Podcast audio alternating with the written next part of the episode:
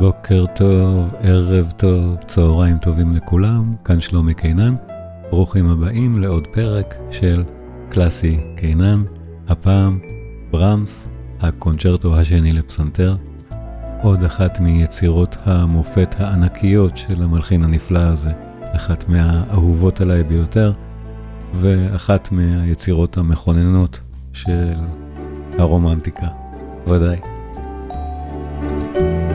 כולם מוזמנים לבדוק את הכישורים בתיאור של הפודקאסט, יש שם לינקים גם לערוץ היוטיוב, גם לקורסים הדיגיטליים, יש שם כמה וכמה מעניינים, ודאי שזה על בטהובן, בהחלט רלוונטי לתוכן שאנחנו שומעים היום, וגם קישור חדש לתמיכה בערוץ ובפרויקט, זה מאוד מאוד עוזר. אז ברמס, הקונצ'רטו השני לפסנתר, בואו נהנה. והיום אנחנו ב... בקונצ'רטו השני לפסנתר של ברמס, אה, יצירה באמת אה, בהיקף סימפוני, יצירה בהחלט ארוכה, ולכן אנחנו לא נוכל, כמו, ש... כמו ששמענו בסימפוניות, לא נוכל לשמוע באמת את כל הקונצ'רטו, אני אאלץ לקצר, ועדיין, זה אחת היצירות החשובות ביותר בסוגה, בכל משאל שיש, נגיד, על הקונצ'רטי הגדולים ביותר בהיסטוריה, שעושים משאל של אוהבי מוזיקה, עושים את הדברים האלה, תמיד עיתונים ואתרי אינטרנט, זה תמיד אחד הקונצ'רטי הכי, הכי נחשבים, זה תמיד בעשרת הגדולים של כל רשימה כזאת, הקונצ'רטו השני לפסנתר של ברמס. וזו יצירה באמת מאוד מאוד מיוחדת ורצינית, כי כמו, ש, כמו, ש, כמו שהצגתי את זה קודם, זו כמעט סימפוניה, או שזה כמו סימפוניה. זה ארוך, זה ארבעה פרקים. אין לנו קונצ'רטו של ארבעה פרקים עד אז בכלל. זה, זה לא, אין דבר כזה, אנחנו אומרים ברמס הוא, ברמס הוא שמרן, נכון?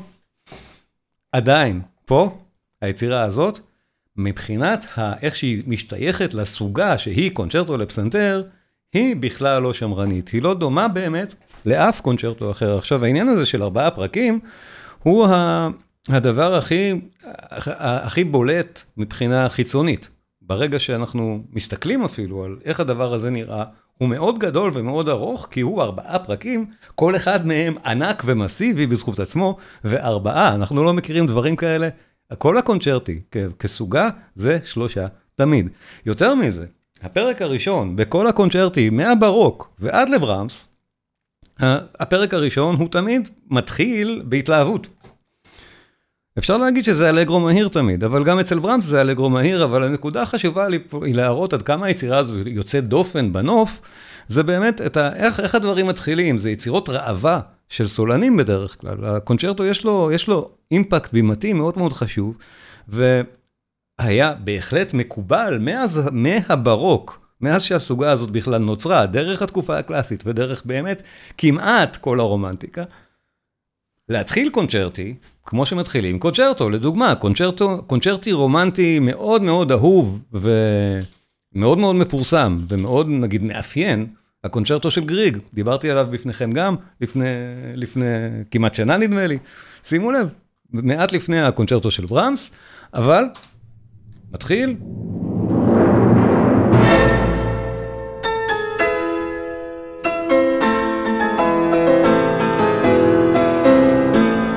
זה, הקונ... זה הקונצ'רטו הרומנטי לפסנתר.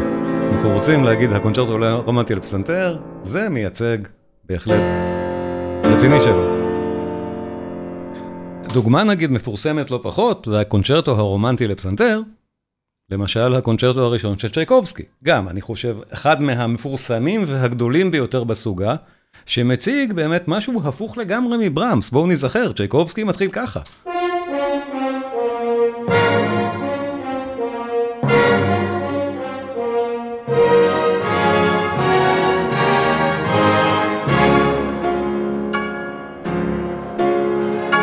מעבר לזה שזה גדול, עצום, מסיבי ומאוד, uh, עם הרבה מאוד כוח, שככה קונצ'רטי, אמרנו, מתחילים עוד מהברוק, מתחילים בגודל, מתחילים בחזק ובמהיר. שימו לב שיש פה גם עניין של התזמורת והסולן, זה שתי ישויות נפרדות שסוג של מתחרות זו בזו.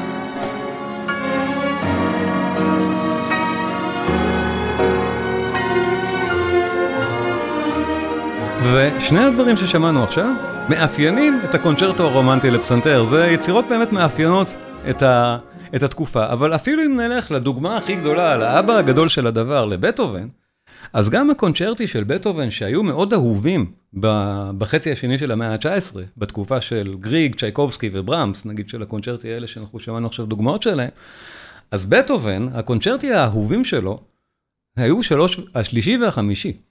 ושניהם, גם הם מתחילים בפרקים מאוד, מאוד כאלה. למשל, הקונצ'רטו החמישי לפסנתר של בטהובן, שהוא בהחלט האב טיפוס של, של גריג, ובמידה מסוימת גם, גם של צ'ייקובסקי, של כל הסוגה הזאת של הרומנטיקה. מתחיל ככה.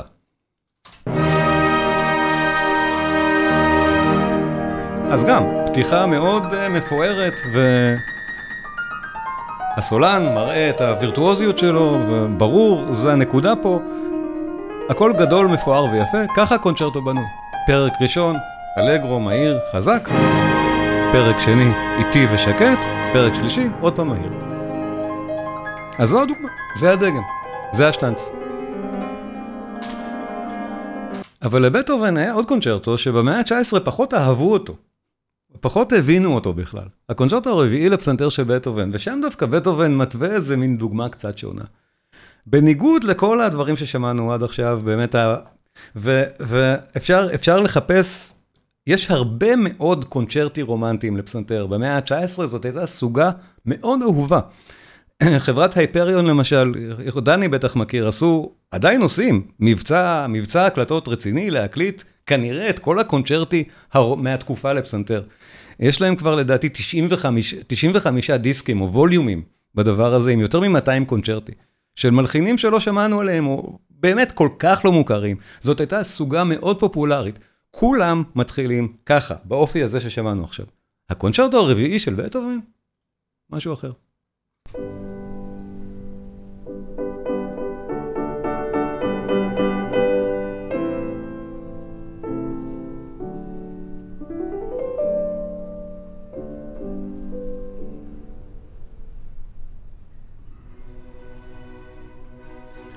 אז כן, ברור, ברמס בפתיחה של הקונצ'רטו שלו, בפרק הראשון, ייקח את הדוגמה באמת דווקא מפה.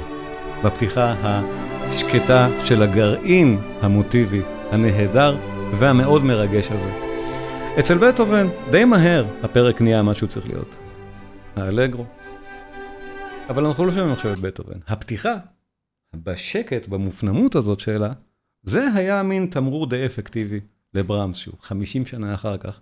לקח, להלחין את הקונצ'רטו השני לפסנתר שלו, לפי הדוגמה המאוד מאוד חריגה הזאת של בטהובן. פעם אחת בכל הספרות, עד ברמס, שהדבר מתחיל בצורה כזאת, זה אצל בטהובן בקונצ'רטו הרביעי, המאוד מאוד מיוחד שלו, דרך אגב. שווה גם להזכיר את זה, דיברתי איתכם על היצירה הזאת גם לפני שנתיים. הקונצ'רטו הרביעי לפסנתר של בטהובן, יצירה מאוד מיוחדת בנוף הבטהובני, ואחת מהמדהימות שבהן בטח.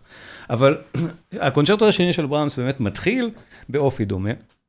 ו- אבל מה שברמס, חוץ מאותה התחלה, הוא עושה, שבטהובן לא עושה, ואף אחד לא עשה לפניו, ופה אנחנו אומרים, ברמס, מהפכן? הוא אף פעם לא היה, למה הוא עושה את זה כאן? מוסיף פרק נוסף, מוסיף סקרצו, אנחנו נגיע לסקרצו.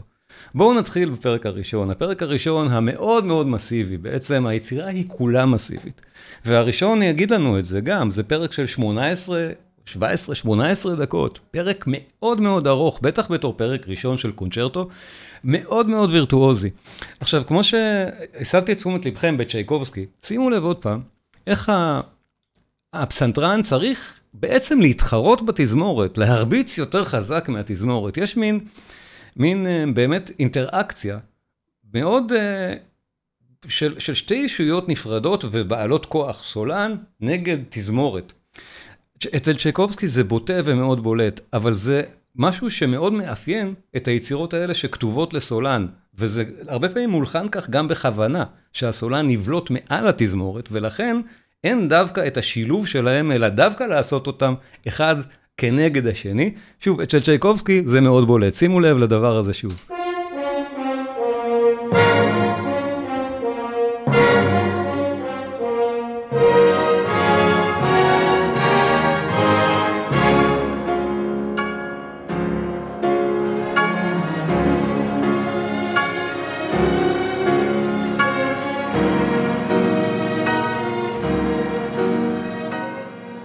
בפתיחה של הקונצ'רטו של ברמס, כבר מההתחלה ברור שהיצירה באופייה היא שונה לגמרי, והיא עתידה להגיד לנו משהו אחר. היא עתידה להגיד לנו שהפסנתר והתזמורת הם שותפים לגמרי בכל התהליך. אין יותר חשוב. זה קורה ביחד, הפסנתר הוא חלק מהתזמורת, ולכן לא תמיד, או לא תמיד ברור בהאזנה ליצירה הזאת, עד כמה היא בעצם קשה או וירטואוזית. כמו שאלה אמרה קודם, זה, זאת יצירה שהיא לא לאצבעות קטנות כמו שלה, לאצבעות נשיות, אני יודע, אצבעות קטנות. זו יצירה כל כך וירטואוזית וקשה, ברמס הלחין את זה בשביל שהוא עצמו ינגן. אני עוד אדבר על איך ברמס עשה עם זה את הסיבוב, סיבוב קונצרטים שלו כשהיצירה... כשהיצירה יצאה לאור, אבל בואו נשמע רגע את אותם המוטיבים ועד כמה זה באמת שונה בכל ההתייחסות לדבר הזה מכל מה ששמענו בסביבה, וברור, זה שונה לגמרי גם בהיותו של הדבר בין ארבעה פרקים, כל כך ארוך וכל כך סימפוני. אז הפרק הראשון מתחיל באותו מוטיב ברהמסיאני נהדר, שזה בעצם המוטיב הראשון של הפרק. אבל שימו לב, ברמס עושה פה מין הטעיה קטנה. כמו אצל בטהובן, זה נשמע כמו פתיחה של הפרק, ולא בדיוק כמו המוטיב. וגם מה שמסומן, המוטיב הראשון, בעצם, הוא כאילו מוטיב גדול של קונצ'רטו. המוטיב הראשון, פורמלית, אם זו צורת סונטה פורמלית, אמור להתחיל כאן.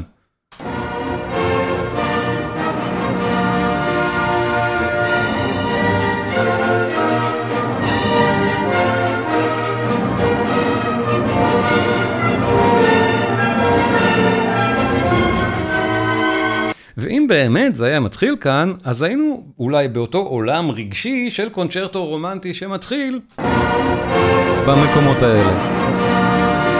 אבל ברמס עושה את כל הפתיחה הארוכה לפני כן, שמבוססת בעצם על אותו מוטיב ראשון, המוטיב הראשי של הפרק.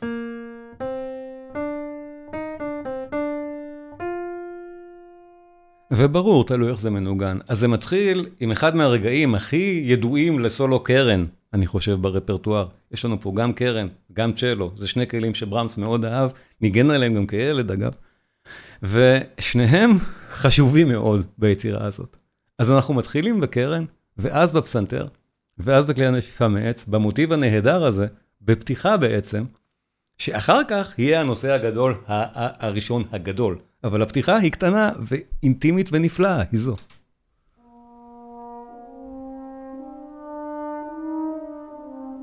והפסנתר עונה. לא כמו אצל צ'קובסקי, הוא לא מתחרה, הוא עונה. הוא חלק מהמרקם, כל הזמן. פידבק, איזון חוזר. דיאלוג.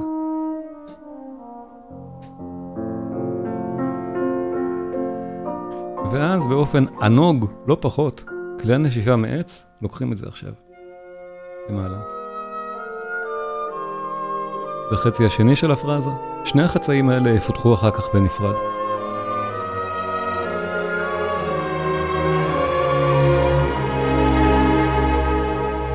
כל הסיפור הזה הוא הפתיחה. אז אמרנו, הנושא הראשון,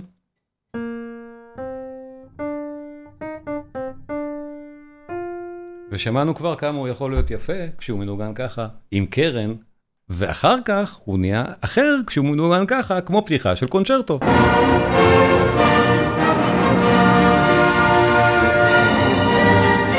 אז כן, כאן, במקום הזה, אפשר לראות אצלי על המסך, זה בעצם הנושא הראשון מתחיל בפורמליות של צורת סונט, האם אומרים, התמה הראשונה מתחילה פה, ולפני זה, זה הפתיחה.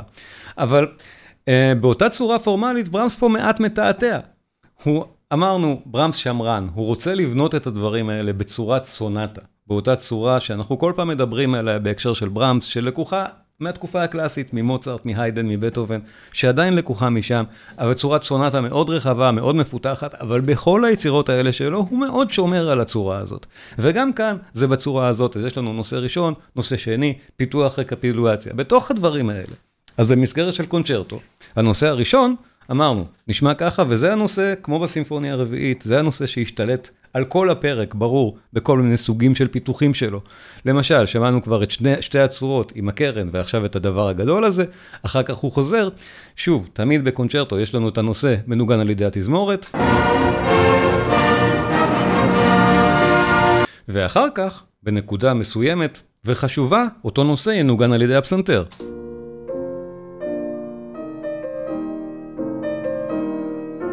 כך גם שאר הנושאים. למשל, הנושא הזה מחולק לכמה חלקים. יש לנו את החלק השני שלו.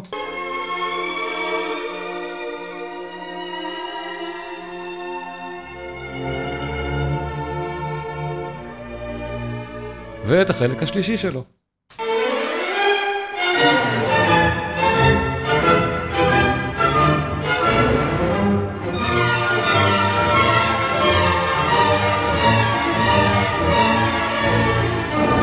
ואז חזרנו להתחלה. אז שימו לב, לדוגמה, מה ש... מה... למה אני מתכוון? שיש פה אינטראקציה נפלאה בין הפסנתר והתזמורת. כשהנושא, כשהחלק הזה חוזר עם הפסנתר, כמו שבקונצ'רטו צריך להיות, נושא מוצג בדרך כלל על ידי התזמורת, ואחר כך מוצג שוב בסוג של וריאציה על ידי כלי הסולו. אז שימו לב, זה מוצג כאן על ידי התזמורת.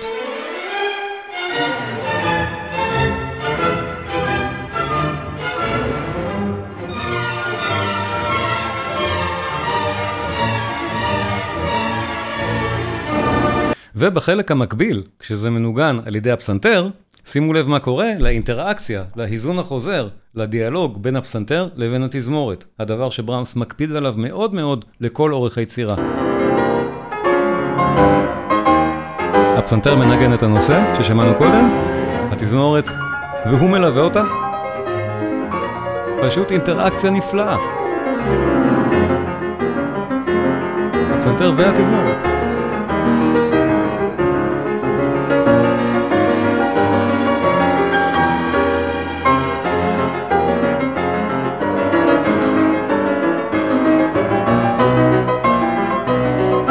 את המטעמים הנהדרים האלה, של הפיתוח של הנושאים האלה, על ידי הפסנתר, על ידי התזמורת ועל ידי שניהם, אנחנו נעקוב תוך כדי האזנה.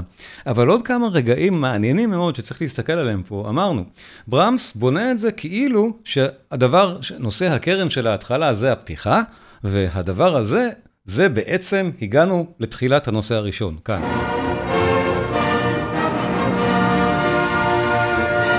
אבל כשנכנסים לחלק הפיתוח, אז בעצם הוא מספר לנו שכל העניין הזה עם הקרן, זאת הייתה באמת הפתיחה.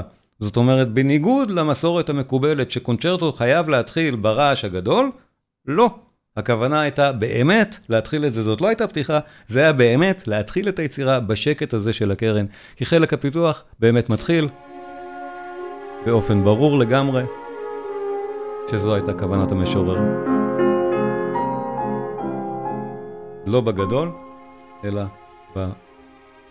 בדרך הקטנה הזאת והנהדרת והרומנטית של הקרן, ואנחנו עוד נשמע את הפיתוח, הפיתוח הנפלא של המוטיבים. למשל, אחד מהרגעים המרשימים ביותר, ושוב, הצמצום המוטיבי הזה שברמס עושה, שאנחנו, אני כבר בכמה יצירות, אני מזכיר אותו מולכם, בסימפוניה השנייה, ברביעית וגם כאן. למשל, הנושא הראשי, נושא הקרן.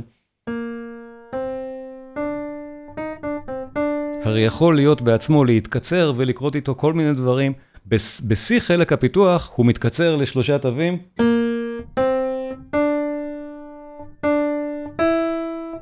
ועל עוד שלושה תווים.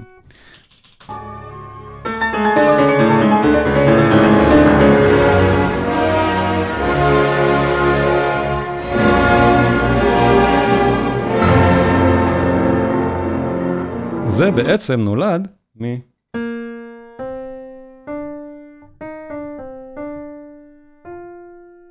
ברמס מפתח את הנושאים שלו לכל האורך נהדר, והכניסה לרקפטולציה, לחלק ששוב, בצורת הסונטה, סוף הפרק, אנחנו חוזרים להצגת הנושאים, זה אמרנו אצל ברמס רגעים שהוא שומר את שיא היופי לחזרות האלה. שימו לב, אני חייב להשמיע את זה בנפרד, את החזרה לנושא הראשי ברקפטולציה, אחד מהרגעים המצמררים ביופיים בכלל במוזיקה. בואו נשמע איזה יופי זה. אצלי על המסך, שימו לב, זה הקו שכאן, רקפיטולציה. כאן תיכנס הקרן שוב, ברגע ה...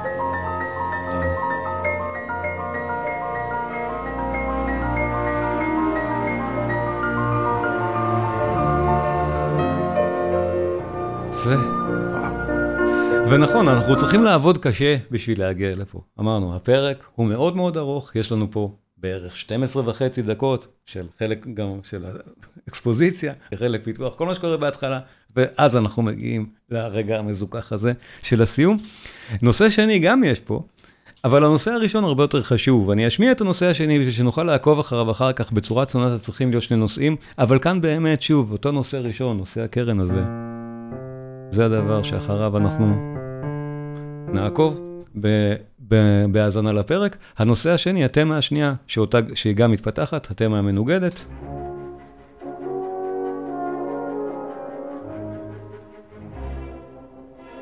פורמלית בצורת סונטה, זה הנושא השני. אז כמובן, גם הדבר הזה מתפתח נהדר על ידי הפסנתר, אחר כך, כאן.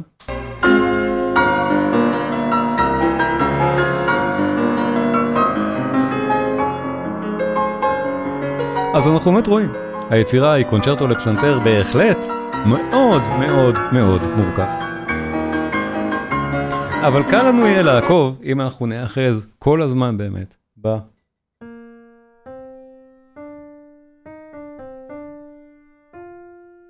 וכל מה שנובע ממנו שמחזיק לנו את כל הפרק הבאמת נהדר, הפרק הראשון של הקונצ'רטו, השני לפסנתר של ברמס.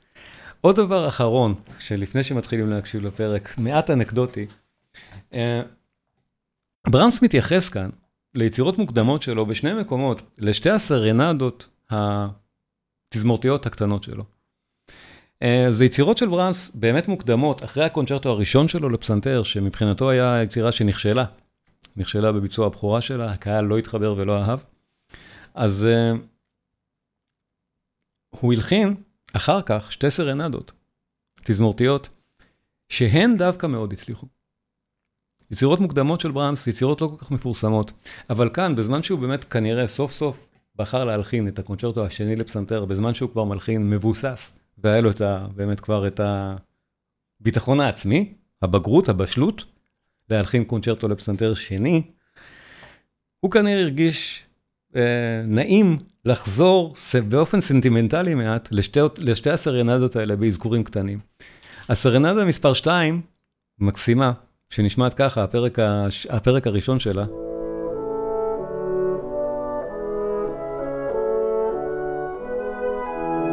הפיגורציות האלה של כלי הנשיפה מעץ, הפרזה של כלי הנשיפה מעץ בפרק הזה, שעונה לפסנתר, כאן,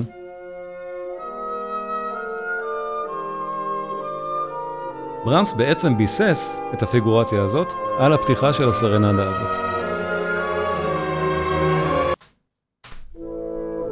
עכשיו, זה לא היה כל כך שווה אזכור אם בהמשך היצירה ברמס לא היה עושה את זה שוב עם הסרנדה הראשונה שלו, כשהרגע הזה יגיע, אני אגיד לזה, זה גם שם, כנראה הוא נזכר כאן 25 שנה לאחור ביצירות המוקדמות האלה שלו, שהן היו ההצלחות התזמורתיות הראשונות שלו כמלחין.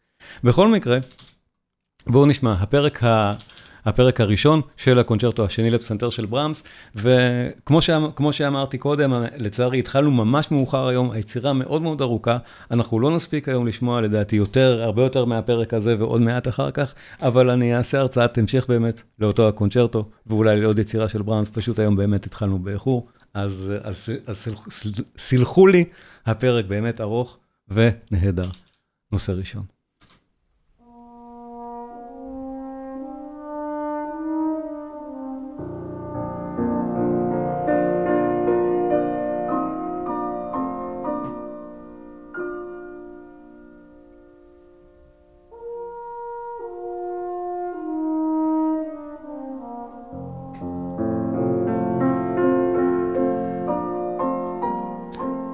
התשובה של כלי הנשיפה מעץ.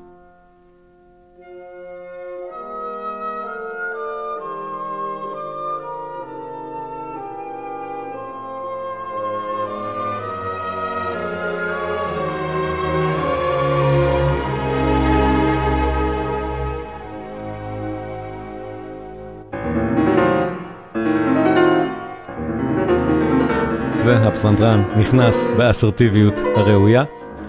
חייבים לציין, ברמס בעצמו היה הסולן, ודאי, של היצירה כשהוא הלחין אותה.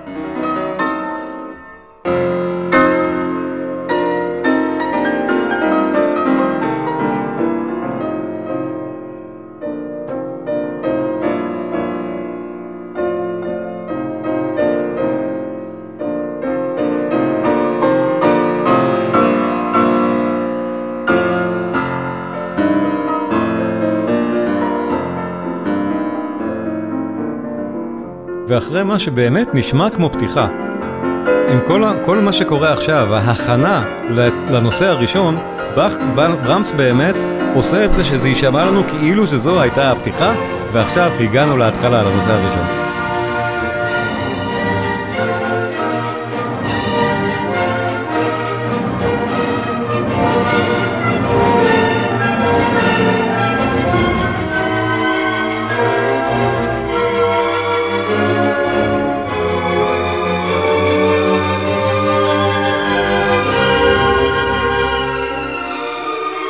וקבוצת נושאים, אז אחרי השליש השני של הנושא הראשון, כל כך יפה, אבל שימו לב, זה קשור לרעיון המוטיבי של הנושא הראשון.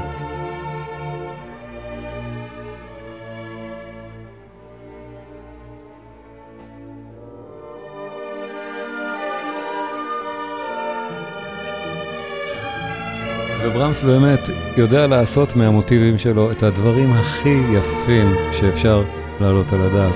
כל אחת מהמלודיות האלה שנובעות כפיתוח של הנושא הראשון הזה. וואו.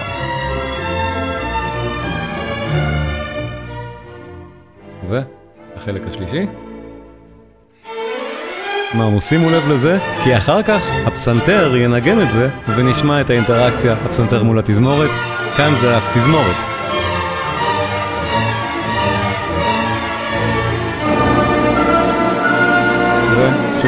שלושה תווים של הנושא הראשון.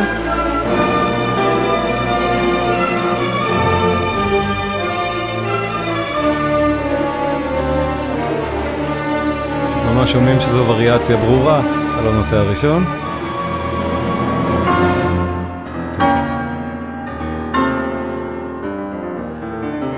ועכשיו ברור, תורו של הפסנתר לנגן את הנושא הראשון. נזכור, שמענו אותו בהתחלה בקרן, אחר כך כל התזמורת, עכשיו תורו של הסולן. וברגע שהוא נכנס הוא מפתח אותו. זה לא כניסה, זה לא בדיוק כמו שהוא היה. כך מאוד מאוד מקובל בקונצ'רטו, בקונצ'רטו לפסנתר.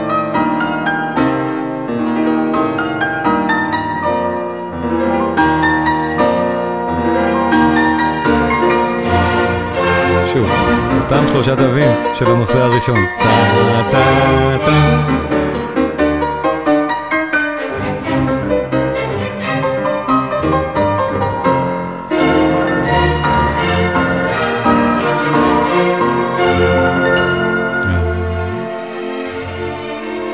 שוב שומעים שזה אותו נושא ראשון מחולק לחלקיו וכל אחד מחלקיו מקבל פה פיתוח נהדר של הפסנתר.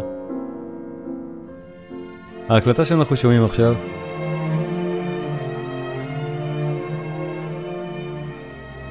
מומלצת בכל כך הרבה חום. היצירה כל כך באמת קשה ומאתגרת לנגינה, שלדעתי, אחת מאלה שיש מעט הקלטות ממש טובות שלה. יש כבר יחסית מעט, נגיד ככה, יחסית ליצירות אחרות. יצירה באמת מאוד מאוד מאתגרת. זו אחת מה... מהחד פעמיות. גיללס ויוחום. מומלץ מאוד מאוד. אני לשם הגיוון אשמיע עוד הקלטה, או היום או פעם הבאה אם נספיק. אבל בהחלט.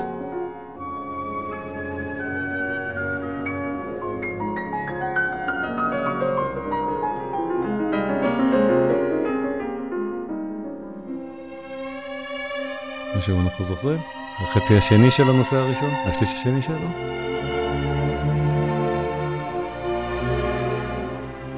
ושימו לב איך באמת ברמס מעריך או נותן לצורת הקונצ'רטו, לצורת הסונטה הזאת, בפורמט של קונצ'רטו, כל כך הרבה בשר ועומק ואורך. אנחנו רק עכשיו הגענו לנושא השני באקספוזיציה, הנושא השני פורמלית. עד עכשיו היינו בקבוצת הנושא הראשון ובפתיחה. הוא באמת מרחיב כאן את הצורה לממדים שהיא לא מכירה בכלל, אין לנו קונצ'רטי, קונצ'רטו כזה. ומי שזה מרגיש לו כמו סימפוניה עם מה שנקרא פסנתר אובליגטו, סימפוניה עם פסנתר, אז כן, היצירה נקראה ככה בסוג של אולי מעט אפילו, מעט לגלוג. הרבה מאוד שנים. סימפוניה עם פסנתר אובליגטו. יצירה באמת סימפונית.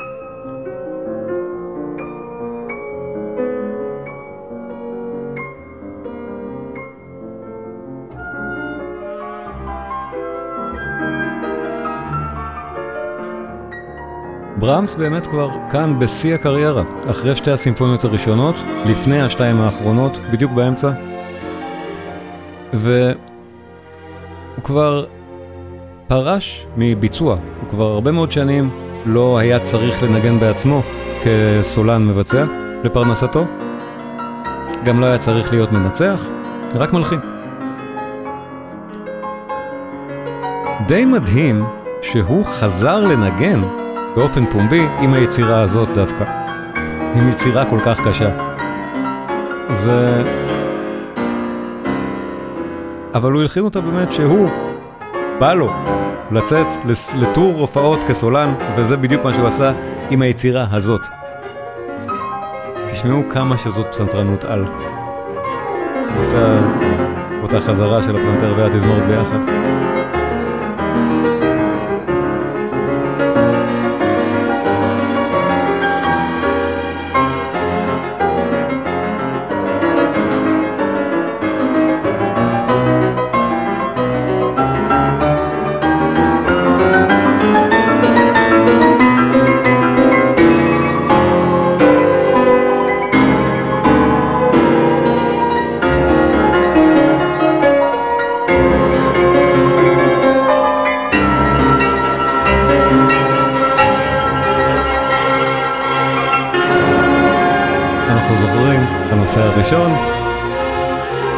סוף סוף שומעים שנסגר, נסגר חלק הפיתוח, נסגרת האקספוזיציה, ואנחנו מגיעים תכף לדיבלופמנט.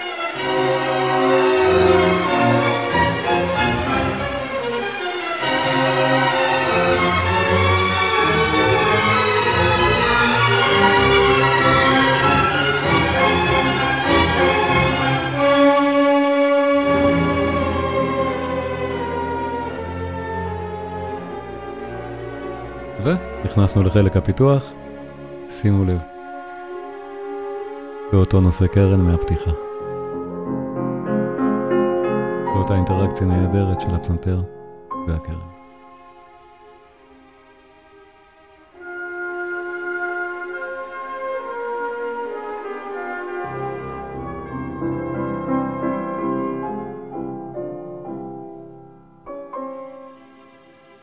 אז uh, כשברמס יצא לסיבוב ההופעות בכל גרמניה, הוא לקח את האנס פון בילוב, לא פחות, להיות המנצח.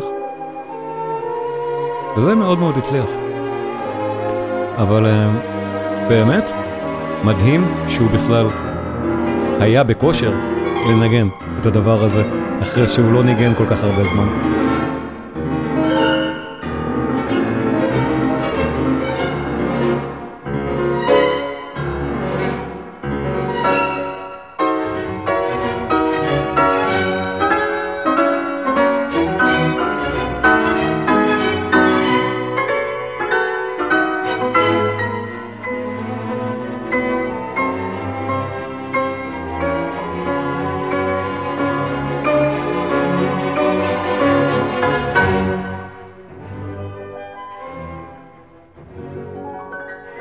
כל רגע ורגע פה הוא כל כך יפה, שחבל לי אפילו לדבר על רקע המוזיקה, אבל עדיין יש כמה אספקטים מאוד מעניינים של היצירה.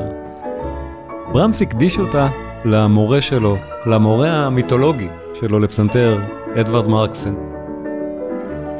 אה, מרקסן היה גם אה, מלחין חשוב, ובהחלט מורה מאוד מאוד משפיע על ברמס. אה, הוא לימד את ברמס בחינם. מרוב שהעריך את כישרונו. והקנה לו באמת uh, הרבה מאוד יסודות מאוד מאוד חשובים. ושוב, מרקסן בעצמו היה מלחין מוערך, מוערך מאוד בתקופתו בהמבורג. וברמס חיכה כל המון שנים להקדיש למרקסן יצירה שלדעתו של ברמס מכבדת מספיק את מרקסן. הקונצ'רטו הראשון לפסנתר שלו, ברמס לא הקדיש אותו למרקסן. את זה כן. כמו גם האלוז'נס לשתי הסרנדות. גם זה כנראה אומר משהו. שימו לב, אותו רגע של ההצהרה הזאת של הנושא הראשון המקוצר.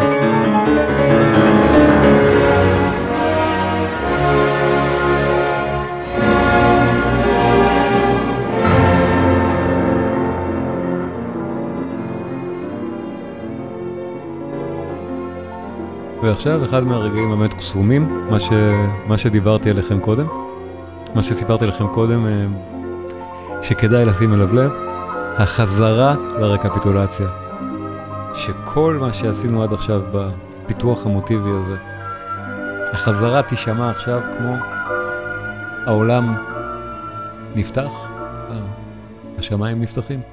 שימו, אפשר לראות אצלי את הקו הזה, פה זה יהיה. הקרן תחזור כאן.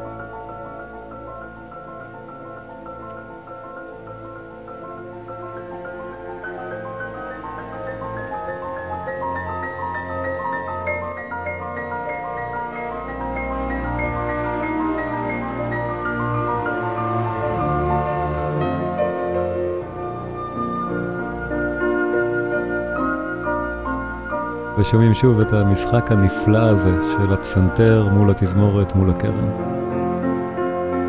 כולם בדיאלוג. נהדר.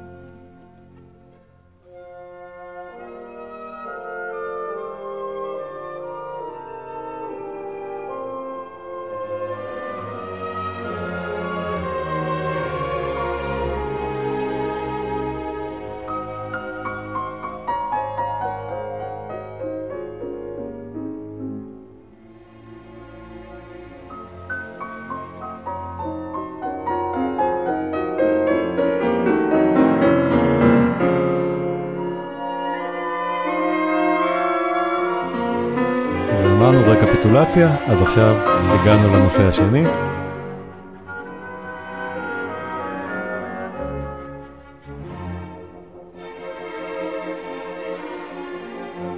יונה כתב, היו לו מבקרים לא אובייקטיביים מהחוג של וגנר וברוקנר. כן, אבל זה לא, פה זה לא קשור, היצירה, היצירה זכתה להצלחה גדולה, לא, היא לא קיבלה ביקורת, אבל, אבל סימפוניה עם פסנתר אובליגטו זה נשמע באמת קצת... הנקודה המעניינת עם היצירה הזאת, שאמרנו, ברמס לא, אף פעם לא, לא הפך את העולם וש, והמציא גלגלים ביצירות שלו, חוץ מזאת, להוסיף עוד פרק, עוד סקרצו, למסגרת כל כך מבוססת כמו קונצ'רטו, זה משהו שברמס עושה פה, באמת עושה מין קונצ'רטו סימפוני שאין לו אח ורע, וזה הייבריד כל כך באמת קשה.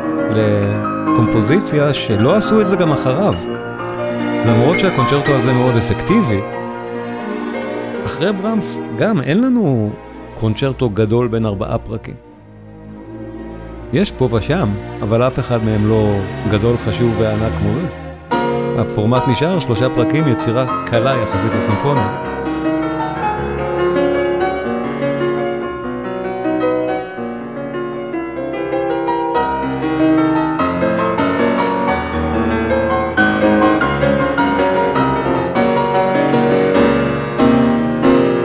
החלק השלישי הנפלא של המוטיב הראשון, כמו ששמענו קודם, הפסנתר והתזמורת, בדיאלוג שלהם. נהדר. הפסנתרן והתזמורת פה חייבים להיות בכזה סנכרון.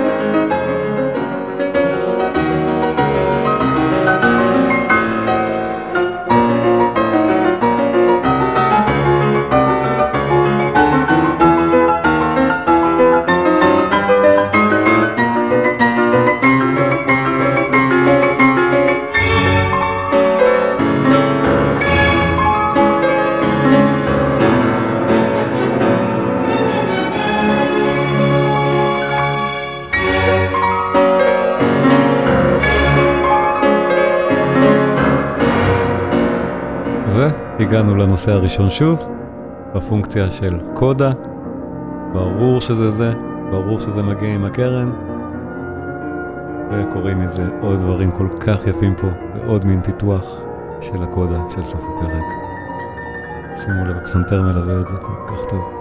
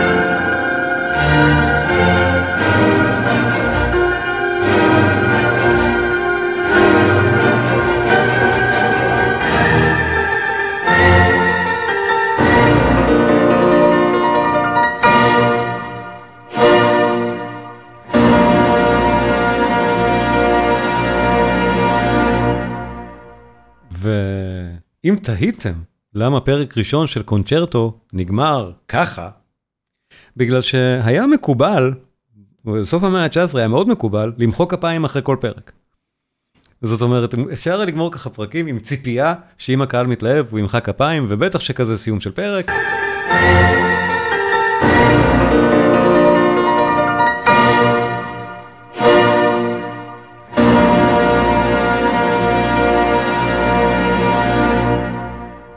לפני שנפרדים, תנו לי לספר לכם על הקורסים הדיגיטליים שנמצאים כבר ברשת. קלאסי קינן, הקורסים הדיגיטליים של שלומי קינן. הקורסים מיועדים לחובבי מוזיקה מעמיקים שרוצים לדעת יותר.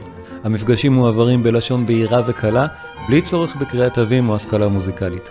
השיעורים כוללים גם המלצות על ביצועים והקלטות של היצירות. בכל קורס יש שיעור פתוח אחד לצפייה ללא תשלום, מה שאומר שזה שווה, אפילו אם אתם לא רוצים לשלם עליהם, יהיה לכם שם תוכן לראות בחינם. הקורסים שכבר יש, באך, מוזיקה מגן העדן. עמדאוס, המוזיקה האלוהית של מוצרט. מבוא למוזיקה של ריכרד וגנר. בטהובן, העוצמה והיופי. וחדש, מאלר, המשורר הסימפוני. כל אחד מהקורסים האלה יותר מ-15 שעות, וכל הזמן מתווסף גם עוד חומר. הקורסים עצמם דינמיים, ואני מוסיף להם הרצאות נוספות ככל שאני בעצמי עורך אותם. אז זה כל הזמן גם משתפר ומשתדרג. מי שמעוניין לבדוק, הקישור נמצא בתיאור של הסרטון בו אתם צופים עכשיו. אני מזכיר לעשות subscribe, לעשות לייק, ואנחנו נשתמע בפעם הבאה.